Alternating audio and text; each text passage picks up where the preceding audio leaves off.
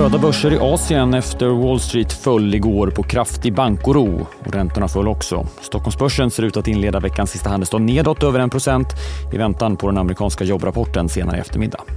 Det här är det i Morgonkoll. Jag heter Alexander Klar. Ja, det är nedåt på de asiatiska börserna nu på morgonen. I Fastlandskina backar börserna kring 1 och där har också landets president Xi Jinping valt till en historisk tredje mandatperiod som landets ledare. Xi kommer att sitta ytterligare fem år och kanske mer därtill då bestämmelserna att en president bara kan sitta i två perioder nyligen plockades bort ur den kinesiska konstitutionen. Xi valdes med 2952 röster för och noll röster emot. Hongkongbörsen backar ännu mer, tappar kring 2,5 procent vilket gör nedgången den här veckan till 5,5 procent och det är den sämsta veckan för Hang Seng-index sedan oktober i fjol. Tokyobörsen är ner 1,5 procent efter att landets centralbank Bank of Japan helt väntat behöll räntan på minus 0,1 procent och behöll samtliga penningpolitiska lättnader med både stödköp och fortsättning med så kallad yield curve control.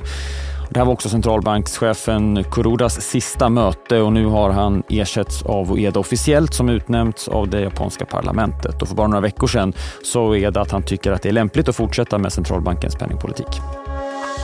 Tungt fall för Wall Street igår. S&P 500 backade nästan 2% Nasdaq över 2 eh, samtidigt som de amerikanska räntorna backade kraftigt. Den amerikanska tvååringen som tidigare i veckan klev över 5% föll till 4,79.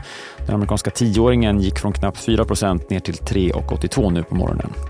Och på Wall Street hade bankaktier det särskilt tufft, inte minst mindre regionala banker som föll kraftigt. Och det utlöstes av att den teknikfokuserade banken Silicon Valley Bank, som sysslar med utlåning till många teknikfokuserade bolag, mycket onoterat, överraskade marknaden med beskedet om att man tvingas till en nyemission för att stärka balansräkningen och behöver ta in nästan 2 miljarder dollar för att täcka förluster. Något som tvingade ner aktien 60 procent och sände chockvågor till övriga banker. Även landets storbanker drabbades. JP Morgan, Bank of America, Citibank och Wells Fargo föll 5-6 procent procent vardera.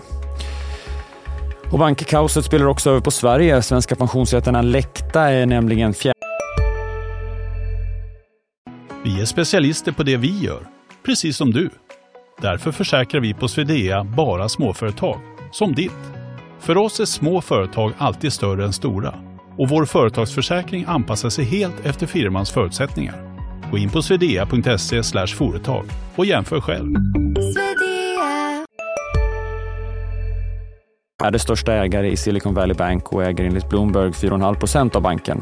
Det betyder en miljardsmäll för pensionsbolaget. Och rapporterande klädjätten Gap kan vi också notera föll kraftigt i efterhand nästan 10 procent efter att bolaget redovisat en större förlust än väntat och dessutom så guidade bolaget för ett större försäljningstapp i det första kvartalet. Idag är det full fokus på den amerikanska jobbrapporten Non-Farm Payroll där förväntan ligger på att sysselsättningen ska öka med en bit över 200 000 i februari. I januari var jobbrapporten betydligt starkare än marknaden väntat sig och det finns flera bedömare som tror att dagens siffra kan komma in betydligt högre igen. Viktigt också att titta på löneökningstakten då mycket handlar om att få ner inflationen, att den inte ska bita sig fast i systemet. Förväntan ligger nu på en ökning från 4,4 procent tidigare till någonstans 4,7-4,8 procent nu. Och så väntar vi oss också att se en fortsatt stark amerikansk arbetsmarknad med en arbetslöshet som ligger kvar på rekordlåga 3,4 procent, något som minner om sena 60-talet.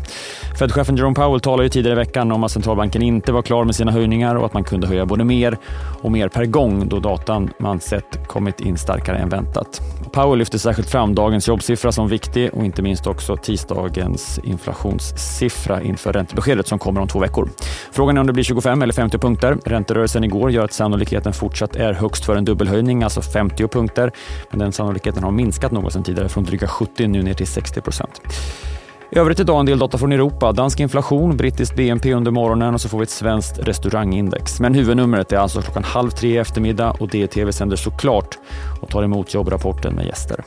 Missa inte heller Börsmorgon kvart i nio eller som podd klockan elva. Det blir mer om amerikanska banker och så blir det Sectras vd Torbjörn Kronander som kommenterar det senaste kvartalet.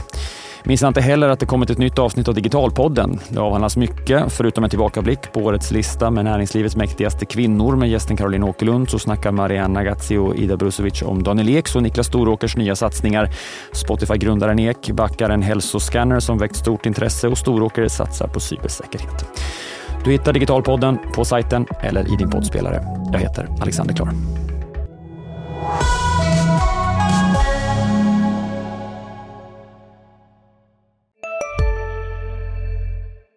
Där det finns ett samhälle, där finns det brott. Krimrummet är podden som tar brottsligheten på allvar.